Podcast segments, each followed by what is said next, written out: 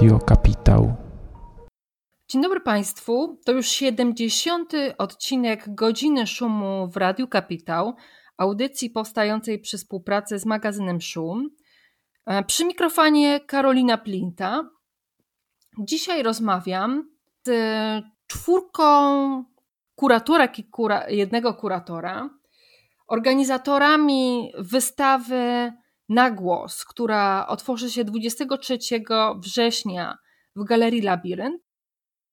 Tworzą ją dokładnie dwie artystki i kuratorki z Ukrainy, Waleria Karpan i Maria Mariniczenko oraz e, dwu, dwie osoby z, ze strony polskiej, Agata Sztort-Gronaszek i Krystian Kamiński.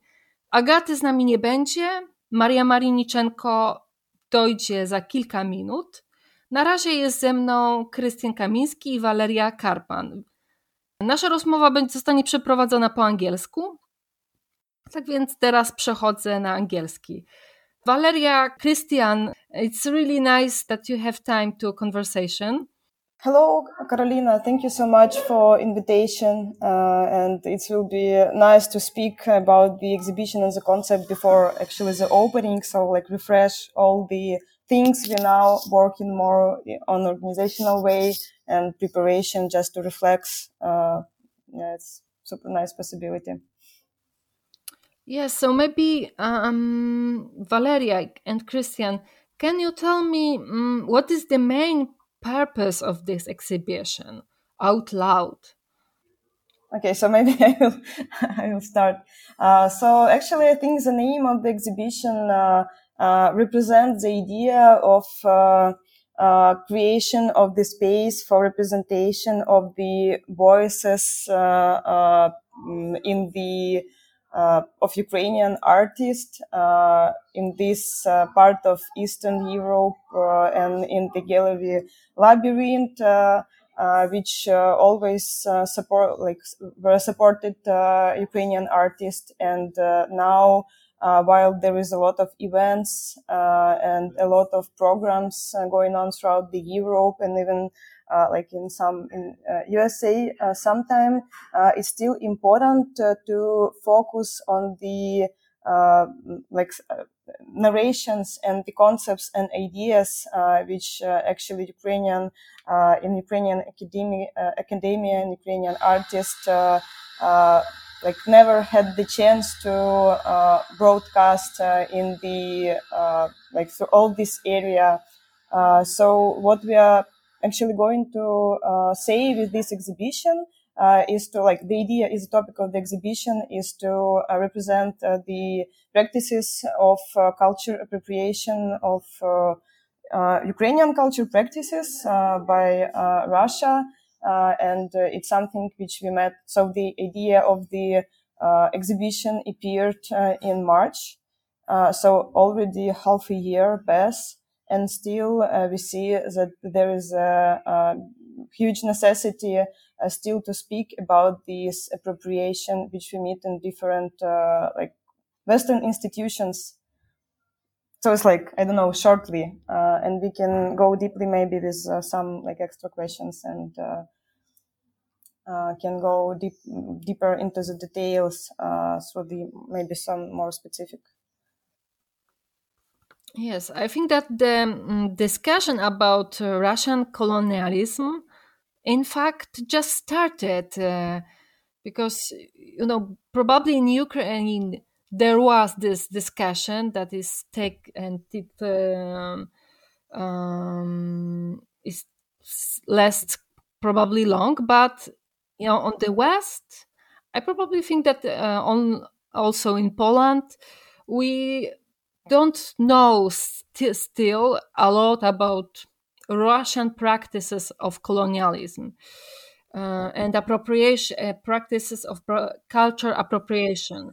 And uh, Valerie, so can you maybe describe on the uh, give us some examples uh, how artists relate to the Russian propaganda and their methods to of appropriation. Mm-hmm.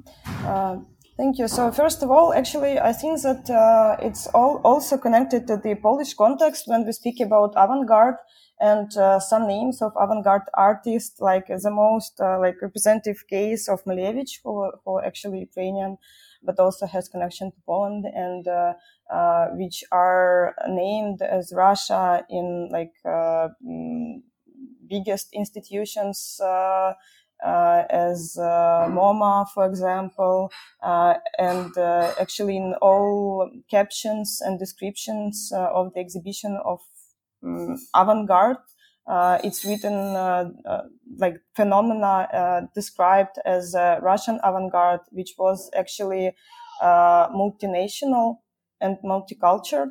Uh, and uh, so it's like the most uh, bright case because we started to speak about this a while ago. And still, if you will come to the exhibition when the Alexandra Exter, for example, mentioned, or the artists who were born in like Russian Empire on the territory of Russian Empire, which also was uh, Ukraine.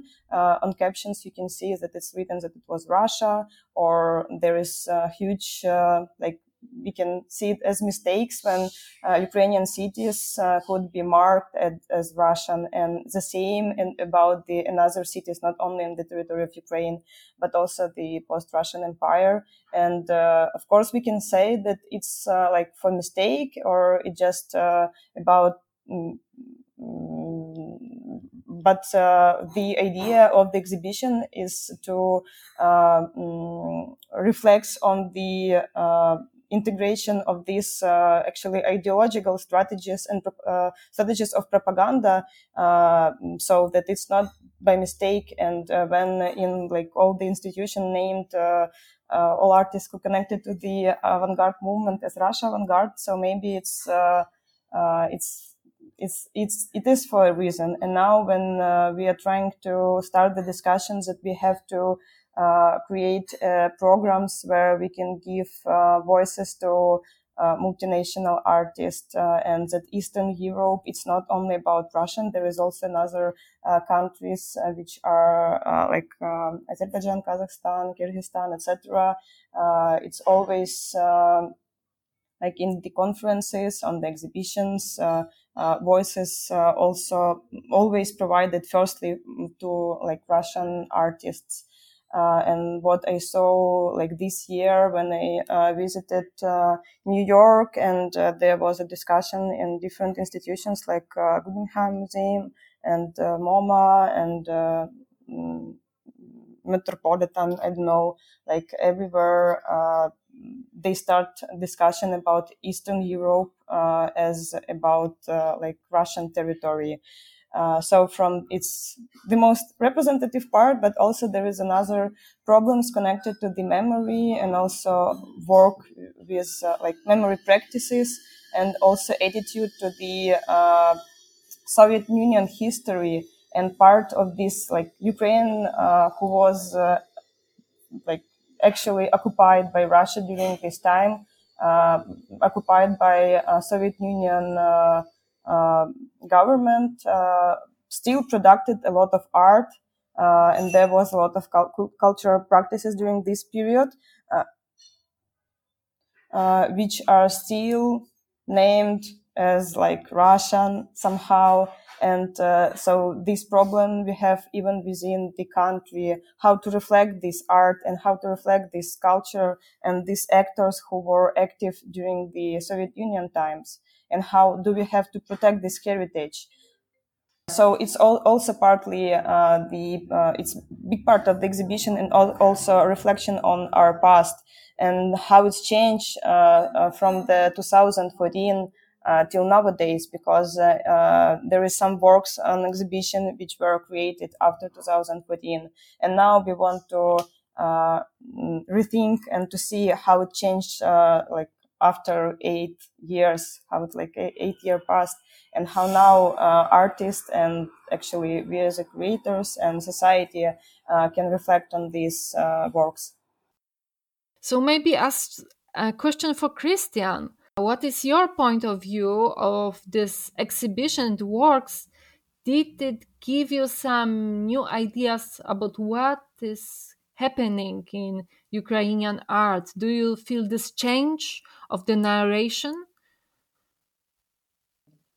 Mm, when it comes to the exhibition and when it comes to what we like wanted to do, I think at the beginning we have to say that uh, we wanted um, Ukrainian artists, Ukrainian curators, Ukrainian critics uh, to be heard. We wanted people who struggle with uh, problems we may not be aware of uh, to be simply heard, and we wanted to give them the stage.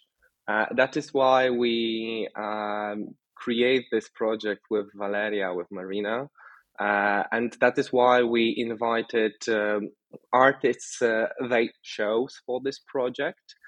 Um, and also um, people who would write uh, critical texts uh, that uh, would give viewers uh, insight into what mm, the state of Ukrainian culture is. they would give impact on uh, the insight uh, on uh, how the situation looks like right now in the Ukraine. As Valeria said, there are uh, works that were created. Um, well, we have to actually we have to start with setting when the war started, right?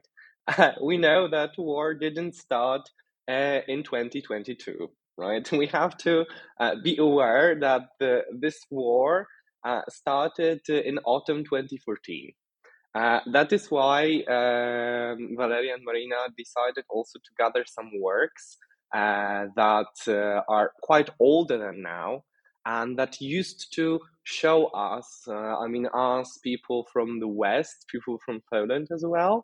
Um, they, they used to show us the situation that was happening, but they probably weren't heard enough. Mm, like nobody gave them proper attention at that time.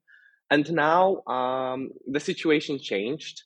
Uh, and I think our exhibition really suits into this situation. And that is why we want um, Ukrainian artists like to, to give them the state, right? Uh, that's why we want to be a bit in the shadow uh, and to manage everything and to uh, let people who uh, really know about the problem to teach us, right? We try to be open uh, and we try to learn from them because uh, this this this knowledge they have uh, this like this information this real truth is really really important especially nowadays.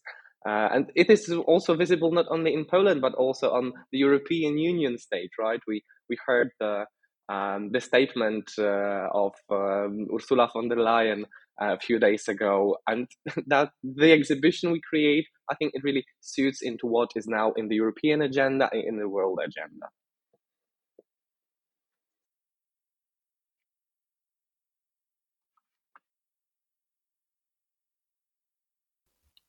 Uh, Valeria, uh, Marina, do you feel that European Union understand uh, the situation uh, uh, the Ukrainian situation and the response uh, for the war is like what you really need, or let's say, I I know that uh, at the beginning it was not enough, but I am uh, wondering how now you think about this relation between uh, Ukraine and the rest of West Europe um, do you feel that the the Westerners understand now what is happening in Ukraine?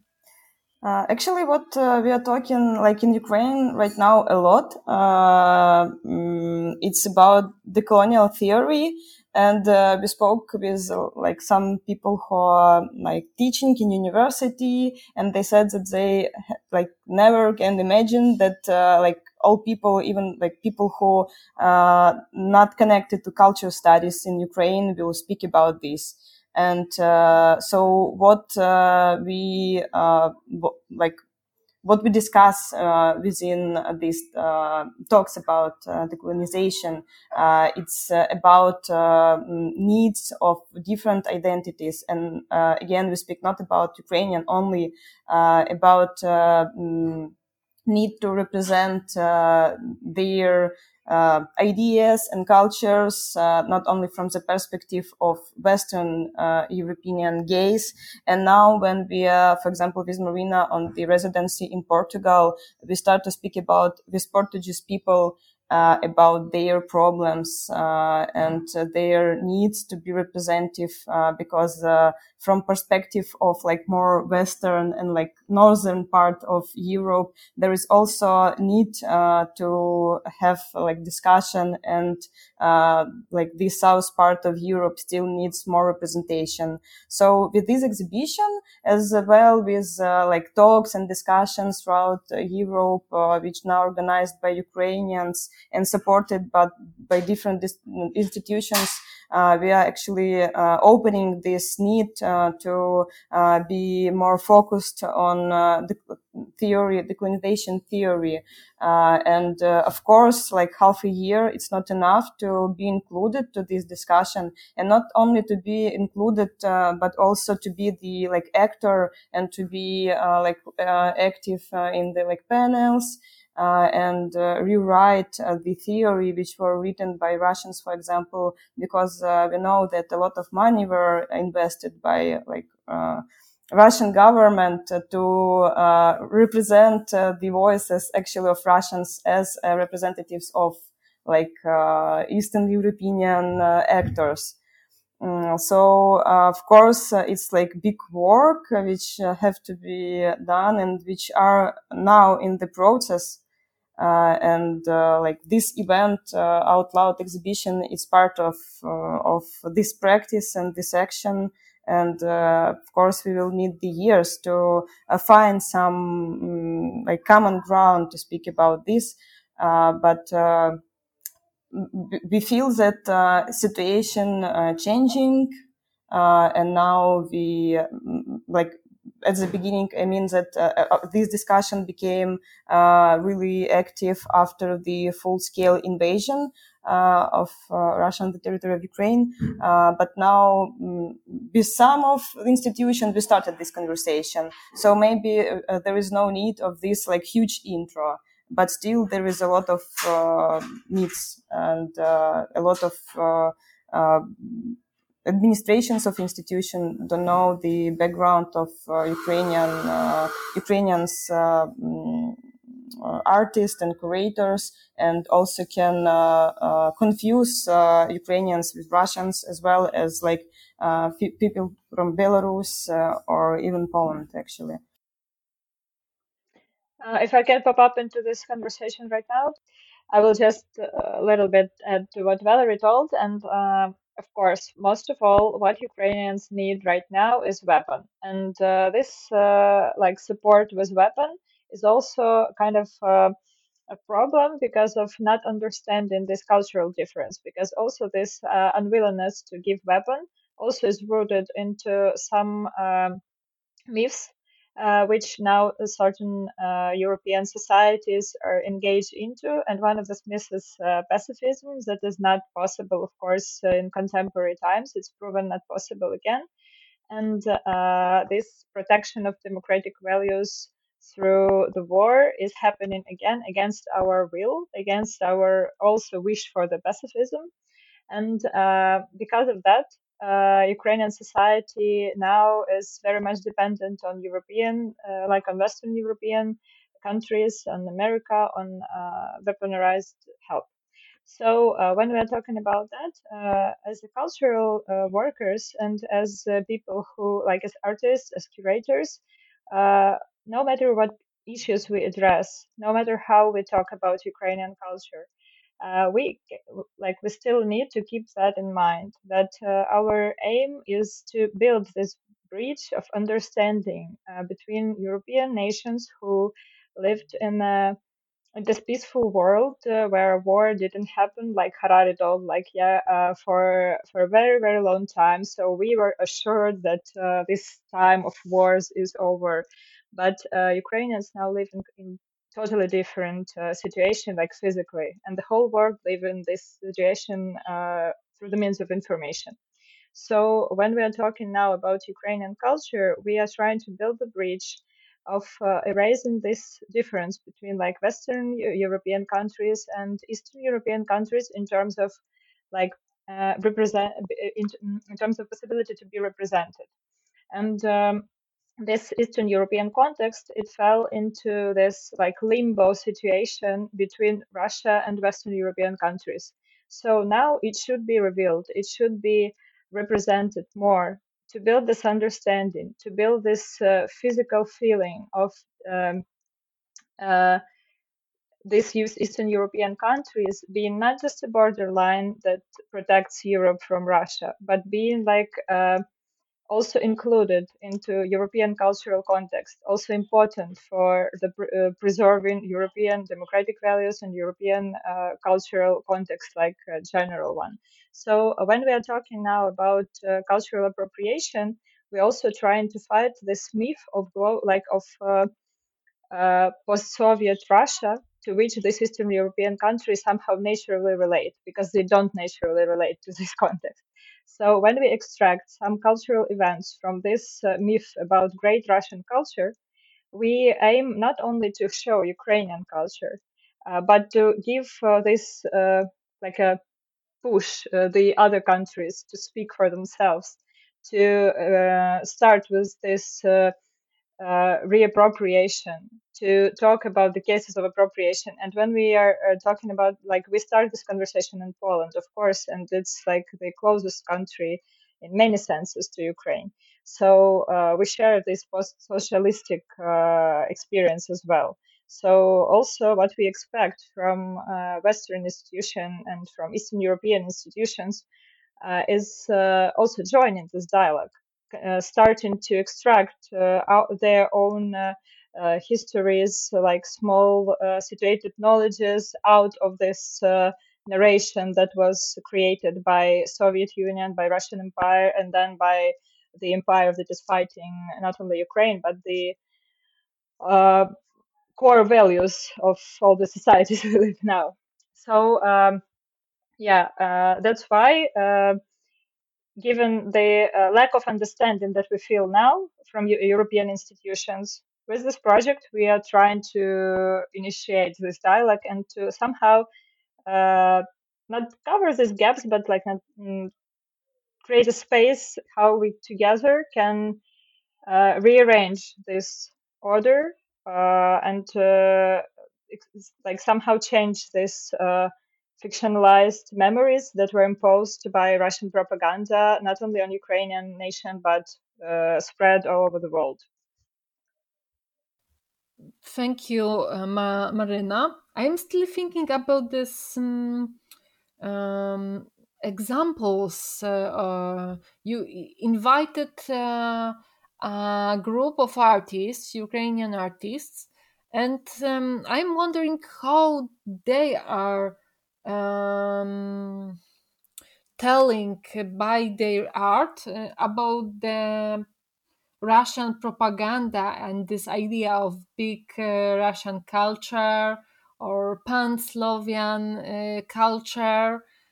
Uh, do they mention it or, or how they um, how they tell about this? Also, maybe I will add that uh, part of the exhibition it's uh, articles and texts uh, which are presented here in uh, cooperation with uh, uh, Sonia Digest project, which appear in Warsaw and on the base of uh, Museum of Modern Art in Warsaw. Uh, so partly it's also supported by theory and uh, by posters and zines. And uh, it also um, was something which were discussed to, uh, yesterday with colleagues that very often exhibition which represent the war, they supported or they include some elements of articles and texts which could be non-symbolical, but still powerful, and it's works together with artworks. So, and we will speak about so and also these elements it's um, articles partly created by uh, ukrainian authors but as well as uh, polish authors uh, were participating in description of the situation of uh, anti-propaganda and also mm, some articles connected to uh, needs of decolonization and post-colonial theory and also some specific cases uh, as well as uh, artworks uh, connected to the uh, past and mm, though they aimed on mm, representation of the some specific uh, identity of Ukrainians and how it's different from uh, these uh, Russians and how it's uh, started to develop like how they started to develop this new identity in 90s. Uh, and uh, it were mixed. Uh, so there is some part of documentation of life during this period, but also there is some talks about uh, as I already mentioned, uh, revision of the memory uh, from Soviet Union time, which were also appropriated and which were rewritten by Soviet Union and Russian theorists. Uh, as well as Western one, uh, who wanted to uh, describe this part of history. And some of the work connected to the actually Russian crimes. For example, uh, there is a case of stolen works from museum in Mariupol where a lot of work of Kuinji were stolen, but uh, not only physical, but also uh, they proclaimed him as a Russian artist, but he was uh, he actually from Mariupol. Uh, so there is some uh, allusion to this case and some in other cases. so of course it's not like poster posters. It's not a like direct description, uh, but it's some metaphorical uh, mm, works, uh, and uh, they're using different media, uh, and uh, some of them were created recently, but most of the works it's mm, just represent some mm, kind of practice. uh, of artists uh, because uh, mm, which is common to Ukrainian contemporary artists. it's this critic of past and work with memory and rethinking of the memory. So we just continue to speak about this in the like new platform and we want to give it new perspective, but actually it is not like uh, reaction uh, on something which happened recently. It's uh, just representation of the work we're doing all this time. Uh, also, I would like to add to that that uh, the um, one of the aims of this exhibition is uh, actually extraction of what is Ukrainian and including perspectives that were like that are recently appearing in the works of Ukrainian artists uh, into this bigger concept of Ukrainian culture instead of uh, talking about uh, what is Russian and what is not Russian. So we want to depart as much as we can from this uh, uh, narrative that is more characteristic of Russian propagandistic narratives to proclaim what belongs to certain nations and what not belongs to certain nations. What we can speak about is only Ukrainian culture. So with this exhibition, we want to speak about uh, what is memory in Ukrainian culture, what memory we work with when we are operating inside Ukrainian culture, and uh, what uh, traumas do we work with uh, as uh, agents of Ukrainian culture. And uh, from this perspective, uh, artists uh, who were selected for this exhibition address uh, the issues that are sometimes uh, more general and more like well retold about this Kuinji case, but sometimes they're more personal and connected to their own memories or to their own local contexts.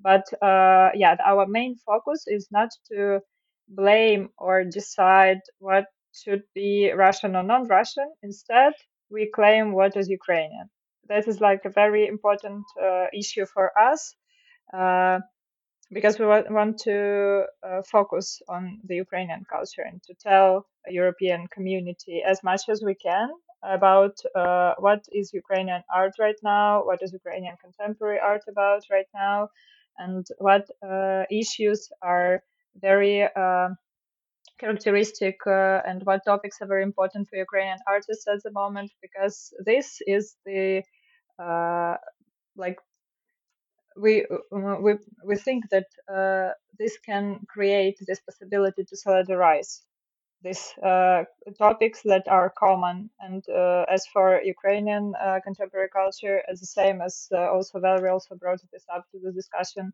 For example, for Southern European countries, they also uh, sometimes face with these uh, post-colonial issues or difficulties to overcome the memories of totalitarianistic regimes, for example, like in Spain and Portugal and many other countries. So we have a lot in common. And with this exhibition, and with especially with this a part of this exhibition that deals with representation of memory. We also aim to establish this connection and make these links like more visible, um, and yeah, and represent our point as well. So, what is Ukrainian, if I can ask? Uh, okay, well, actually, when we are talking uh, about the criteria uh, of course, we not only see uh, what is Ukrainian that like was born on the territories uh, of Ukraine, like of contemporary Ukraine. Uh, historical perspective of this issue is like very complicated, of course, because the side of uh, occupation by Russian Empire, we had a lot of links with different other bordering nations and our territories, as well as, for example, Polish territories, were not always within the borders of contemporary uh, nation states. So uh, when we are talking what is Ukrainian, we are uh, what, like looking at every specific case and uh, all these complications to decide if it's a part of Ukrainian culture or not. And uh, uh, for example, like this uh, case, cases of avant-garde artists, which were summarized by Russians and called Russian avant-garde. Uh, not looking at that a lot of uh, artists are of uh, various origins. Sometimes uh, like Malevich for example he doesn't share one origin. Instead he is like everything but russian. Uh, but anyways um, we tried to look at these political aspects as well because for example for as for avant-garde artists uh, when they were active still like they started to be active in russian empire. They continued to be active in independent Ukraine and Belarus because for two years in between empire and Soviet Union there was an independence as well. But also there were repressions at, the, at like the same time. So a lot of them fled to Moscow because you were like more safe from the repressions if you're in Moscow uh, than in Kiev or in Minsk for example. And uh, they continue working in Soviet Union and they uh, continue to face with difficulties but at the same time they work in ukraine. They were educated in ukraine. They uh, taught in ukrainian artistic uh, academia for example or like um, it was uh, called back then uh, school but anyways they were like teaching in ukraine. So all this complexity of relations is like very important to claim if certain persona or uh, artwork belongs to Ukrainian culture or not. And of course, the inspirations, of course, the uh, not only territorial issue itself. So uh, it's like a, one of the examples of the, how this complexity could work. Yeah, and also again, if you appeal to the uh, theory, like decolonization theory, and about the identity and what actually, and about this decolonization aesthetic, so what uh, so that's why we also speak uh, it's good to speak about this uh, through art uh, because uh, it's we using actually aesthetic for this. And what is um, Ukrainian language and also what is like we're trying to uh, like rethink these hierarchies which uh, were um, which exist uh, through the cent- centuries where like Russians were our neighbors.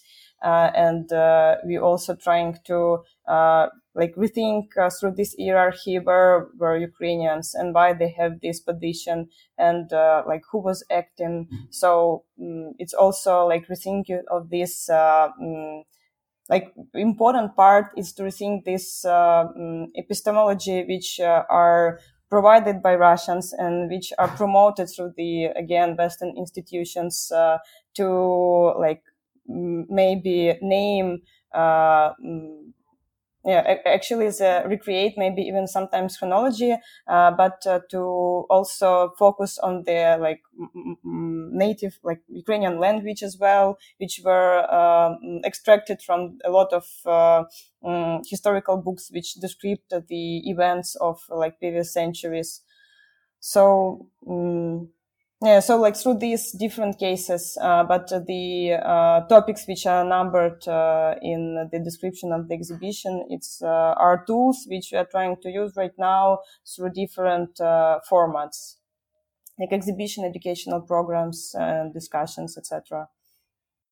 I just wanted to add that uh, to, to what Valeria said that um, the one of the topics of the exhibition that is especially um, close to my Polish experience is how to work out the communist past, how to uh, overcome uh, the Soviet reg- regime uh, in the Ukrainian way, right? This is something that uh, is on the agenda in Poland as well, like decommunization of streets. Uh, and uh, in here, I mean work by Nadia Czerwińska, uh, where she takes photos from the archive of uh, Ivano Frankivsk and um, she um, like erases uh, symbols uh, of uh, Soviet symbols that uh, that appeared in the city. Um, and um, in her work, I think she asked the question whether it is sufficient enough just to erase them, just to take you know old monuments uh, to change names of streets, to demolish buildings, to demolish everything that reminds us about the past? Is it sufficient enough to overcome the trauma, uh, to really settle this, the history? And I think this this is like a really important uh, topic uh, in relation to also Polish situation when we try to um, you know figure out how to work out uh, the communist times, and uh, we try also to um, find our way into this. And I think Ukrainian people also try to do it, and this work is like good, um, gives good thoughts uh, on this topic. Uh, actually, I also wanted to touch on this point of erasure because when we speak about what is characteristic of contemporary Ukrainian culture, and not only contemporary, of course, this point, like this uh, issue of erasure, it's uh, very much important because uh, if previously many of uh, Ukrainian cultural events, uh, people, artworks, e- even I don't know everything um, were erased by the uh, occupation uh, administrations of different kinds, and we have to deal with that. Uh, some of these cultural events they were erased for good without knowing how they look like, only having some very vague thought how how we can talk about that, and we have to deal with that, of course.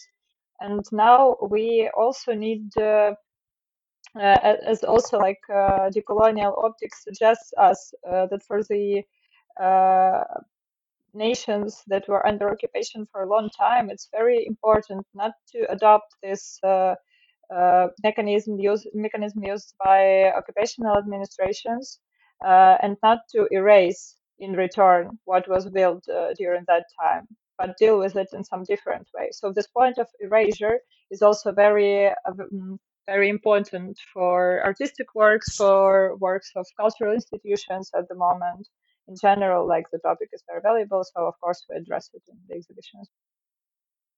Okay, I was wondering also because in the um, press release, you uh, write that this exhibition will also uh, take um, into account the topic of the institutions and uh, um, the uh, working of the museums in Ukraine, and this is very interesting.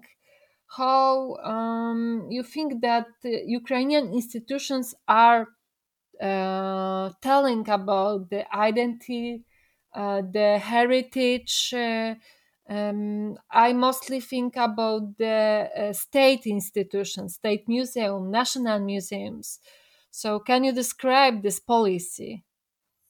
Uh, it's something which we started to think from the, our previous uh, with Marina experience of working with uh, Museum of History in Dnipro, and we uh, mm, we uh, saw there there uh, problems with reflection on this Soviet Union time past, which Marina just started just described this problem of um, need uh, of erasure, which is like not needed actually, but which have to be rethink.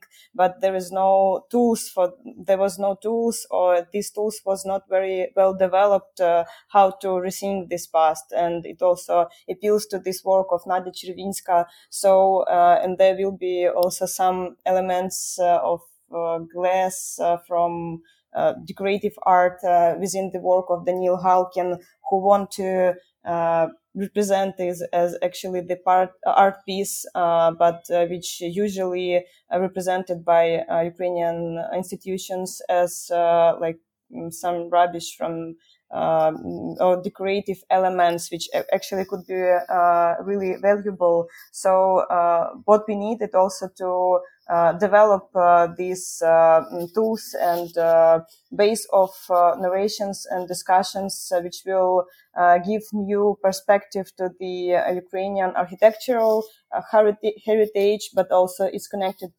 it has connection to the cinema, like movies and also museums, what we actually have uh, do to do with uh, this um, past, uh, because uh, there are a lot of uh, books uh, and prescriptions which were developed during Soviets.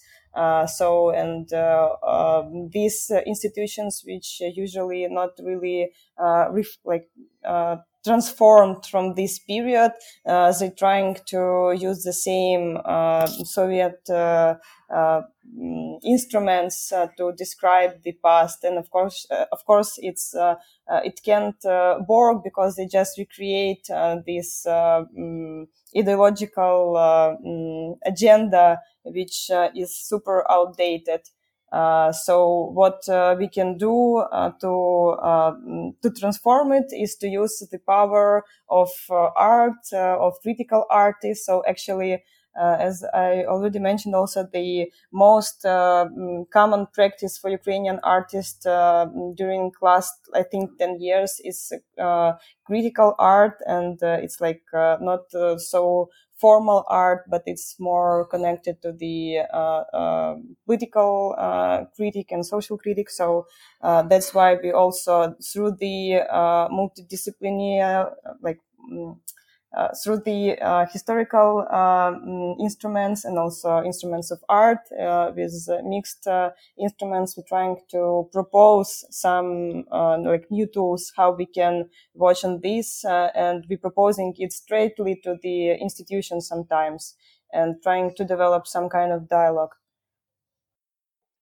Uh, but in this uh, very exhibition, also we will address the topic uh, of the lack uh, of some transformations that should have happened when Soviet Union collapsed. Instead, we're still in uh, the system of Ukrainian cultural institutions, have some institutions that are very much outdated and uh, which still follow the Soviet logic instead of uh, catching up with Ukrainian contemporary cultural processes. And one of this work was be, will be the work uh, that addresses the issue of uh, um, very Soviet uh, thing as uh, artistic combinat, uh, which was created to um, collect all the artists under one roof to like when uh, government have any task for the artist they could control that on every stage this task is completed within the line of the party within this agenda of the ruling uh, political party and uh, after that, uh, but also uh, artists who were working there received their studios in this space. So after the collapse of the Soviet Union, this food combinat, it's like art combinat, it still exists and it still hosts artists. They still uh, have opportunity through this very outdated structure of uh, artistic uh, union or something like that. I'm not sure how to translate all these events. Still. So uh, with the help of these very archaic institutions, artists can still get some studios in this combinat. So uh, being a little bit useful in the sense of resources, this is like completely useless and outdated uh, in its format of operation.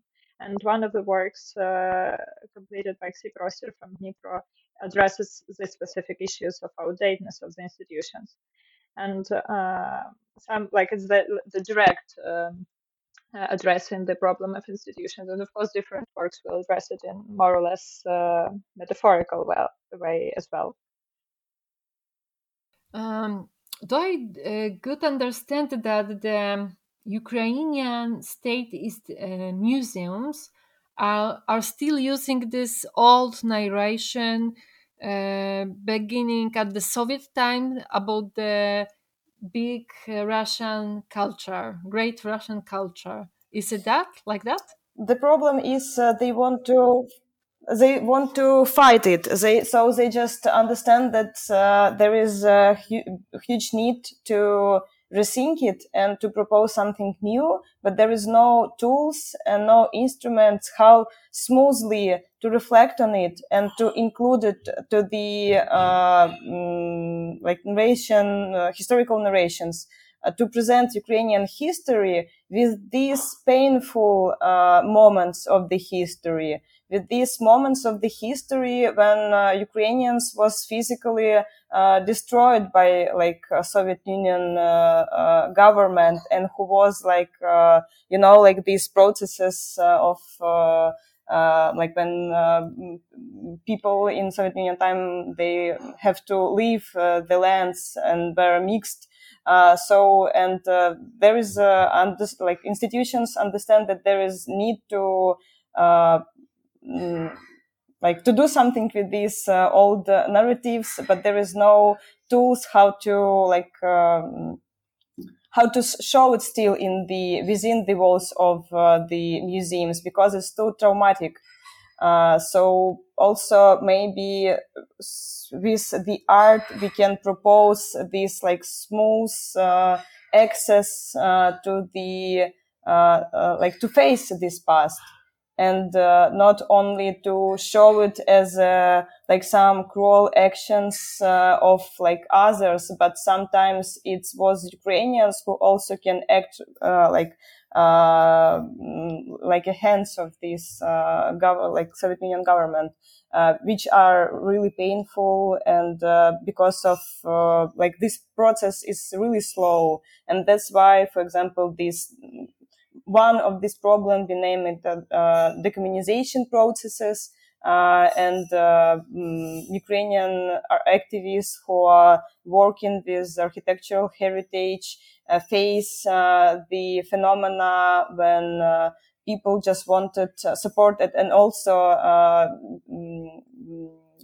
like uh, municipal administration supported with this uh, need of erection of some symbols of Soviet, Soviet Union past were destroying the uh, heritage, architectural heritage, which actually was really like Ukrainian one, just created in this time, uh, and then also something which we are we are trying to describe right now which is of course uh, really hard uh, in the times uh, when it's like not main issue uh, when we have this um, when the like Ukrainians could be physically uh, erased uh, but uh, still, if uh, these buildings and these objects uh, of the like monuments of architecture and also uh, some decorative elements created in Soviet Union times by Ukrainians and actually which represent the Ukrainian art will be destroyed, there will be no possibility to like recreate it. also answering your question, it's um, the thing is that especially within the last eight years Ukrainian uh, cultural institutions departed from these uh, Soviet narrations.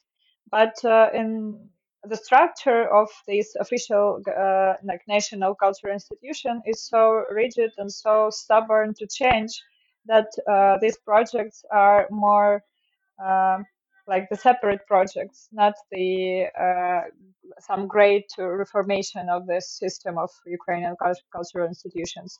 But uh, for example, the uh, National Museum of Art, uh, they also use this tool that Valerie told, like through the means of contemporary art, uh, like it's easier to include some more contemporary narration to the uh, old-fashioned uh, institutions. So, for example, yeah, some museums, for example, this National Museum of Art, they also implement this these kinds of projects. But uh, what we all struggle now is like also to somehow boost this change and somehow uh, make our part in making this change faster and help the institutions not only to present some narratives which are more uh, connected to Ukrainian point of view and to representation of Ukrainian culture, uh, not in the Soviet way, but also uh, help them like change the structure a little bit as well, and show by showing them the, pro- the problems and the possible ways to address the problems. So I think there's like this kind of need to get rid of this old ghost, right? uh, from from the institution and like give some fresh air. And I think that like work from uh, Katarina Berlova uh, also refers to this, right? The, the, ghost that is going around the exactly. hotel, yeah, and that's it, it. It's really hard for the ghost to get rid of it. It feels as if in a trap, and the hotel is old and rusty. And I think it, this is the time to open the window uh, let the ghost out and put uh, new life in the hotel, in, in I mean, in the, in the institutions and in the museum. Do you think that the context of war is helping the to make this change? Mm, because as I um, know, after the attack in March, um, the artistic life in Ukraine quite stopped. You know people were more uh, focused on how to survive. And um, i'm wondering how this artistic life is uh, looking now. If it's possible to um, do something in the institutions and in the museums uh, to to create this uh, new discourse yeah, I will answer your question, but also I want just uh, briefly also to add to the previous one, just to be uh, like uh, about this institutional situation. That there are also some institutions run by young administrators and curators. for example, Museum of Terror in Lviv um, run by Gonchar, and also mm, they are together with the Sortimentna Kimnata and Ivano-Frankivsk were working on uh, evacuation of the artworks. So from the beginning of the war, uh, institution weren't uh, didn't get any uh, help from the Ministry of Culture, but still there was a network uh, of institutions who helped to evacuate the work, to provide the money for the museum workers.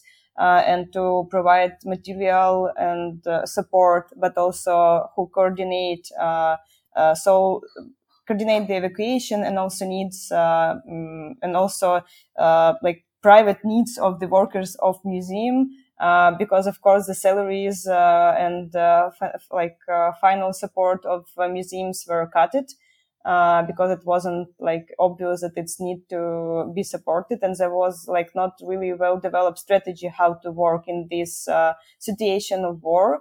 Uh, so uh, there is also partly uh, so it's like we'll be more honest maybe to speak about the situation that there is some institutions which are now uh, more developed and reformed after new creators come there and uh, what uh, like uh, what uh, the war uh, can you please repeat the question? I'm sorry it just was focused on to end like this. So the question was uh, is what the impact of war war? Mm-hmm. the, we... maybe i can get up here. Yeah so about the impact of war on the cultural institutions i would like to mention that cultural life didn't stop in ukraine. It's like the main thing that is necessary to understand. And uh, some artists left Ukraine, of course, because it's dangerous to stay there, and not every person can uh, make this choice to stay where it's dangerous and continue the practice in the in the situation of uh, psychological pressure and uh, insecurity. But some of the artists, uh, they made this like political choice, uh, this uh, choice which corresponds to their values most of all, and they decided to stay, which is a brave act and also very necessary for the preservation of Ukrainian culture, of course. And uh, Ukrainian culture now, uh, the most vivid part of it is mostly about self-organization, of course, because a lot of galleries uh, closed in Kiev, Kharkiv, and other cities under attack, and uh, the same uh, people and some uh, other people who were inspired by these grassroots initiatives, they initiated new galleries, new artistic spots in safer spaces in Ukraine, in small villages in Uzhgorod and Lviv and other cities. So cultural life is a little bit relocated, but still vivid, and a lot of things are happening, and uh, a lot of ideas are born still within Ukraine. To, then to travel to Europe and tell about what is going on inside Ukrainian culture at the moment and uh, we see this uh, shift, uh, like this empowerment uh, of grassroots initiatives, which was uh, also very popular and very bright after the Revolution of Dignity in 2013. now, in times of war, we live some similar experience of this, like boost of this, like. Um, more intense operation of grassroots initiatives and uh, this is like very promising thing which we also engage in and uh, with uh, we think that with the help of these grassroots initiatives uh, some new turn is possible and this switch of paradigm uh, and this departure from soviet narratives from russian narratives uh, will be eventually possible and will be made and after the Revolution of Dignity, uh, the uh, some process of decentralization started in Ukraine, and now we can feel and uh, see uh, the results of these processes because uh, it's really now we feel really physical connected to the different regions of Ukraine, and we know the representatives of the culture institution, the artists from like different regions, and now it's like really easy for to like reach uh, person from any city and everyone like very supportive and like with this exhibition uh, we were trying to include uh, voices of artists from uh, more or less different uh, regions uh, but uh, it was really mm, much more easier to do this because they also helped us to transport the works maybe to also provide some another and also institution where uh, gave us advice as how to transport everything. So there is a feeling and now we also have it uh, this feeling when we are on the residency um, temporary abroad that uh, ukrainian culture field it's uh, some kind of expanded body uh, and we can meet uh, we know like more or less where people now relocated Mm, uh, temporary and uh, we can also uh, ask them for like some help or we can just design some program uh, like within the different countries and it's could like could be well be well organized. Uh, and after also during this uh, half year of the full scale war we saw that the format of residency uh, became more developed and we now discussing a lot with our colleagues uh, different uh, formats of residencies uh, which could be uh, useful during times of war because from the beginning uh, when we were planning something we were thinking that people need some rest and maybe they need safe place uh, to calm down. But when we started to organize the residencies, we understood that uh, people really want to act and they need a space for cooperation and uh, like everyone super product- productive, which is uh, maybe not very good for the, for their mental health, but still it's something which people really need. We have to um, end our conversation uh, yes, so uh, many thanks, uh, Valeria, Krystian, and Marina, to uh, give us this, let's say, introduction to this exhibition. Mm, finger crossed for the opening. And I will switch to Polish if you don't mind. Szanowni Państwo, to już koniec naszej rozmowy. Ja polecam ponownie e, wybrać się na wystawę na głos, która 23 września otworzy się w galerii Labirynt w Lublinie i potrwa do 30 października tego roku, rozmawiam z kuratorami, z częścią, trójką z czterech osób kuratorskich wystawy. E, Walerią Karpan, Mariną Marniczenko i Krystianem Kamińskim. Thank you again. Uh, thank you so much, Karolina. Yeah, thank you and feel invited to see the exhibition. Yeah. Dziękuję za słuchanie i zapraszam do kolejnej godziny szumu za dwa tygodnie.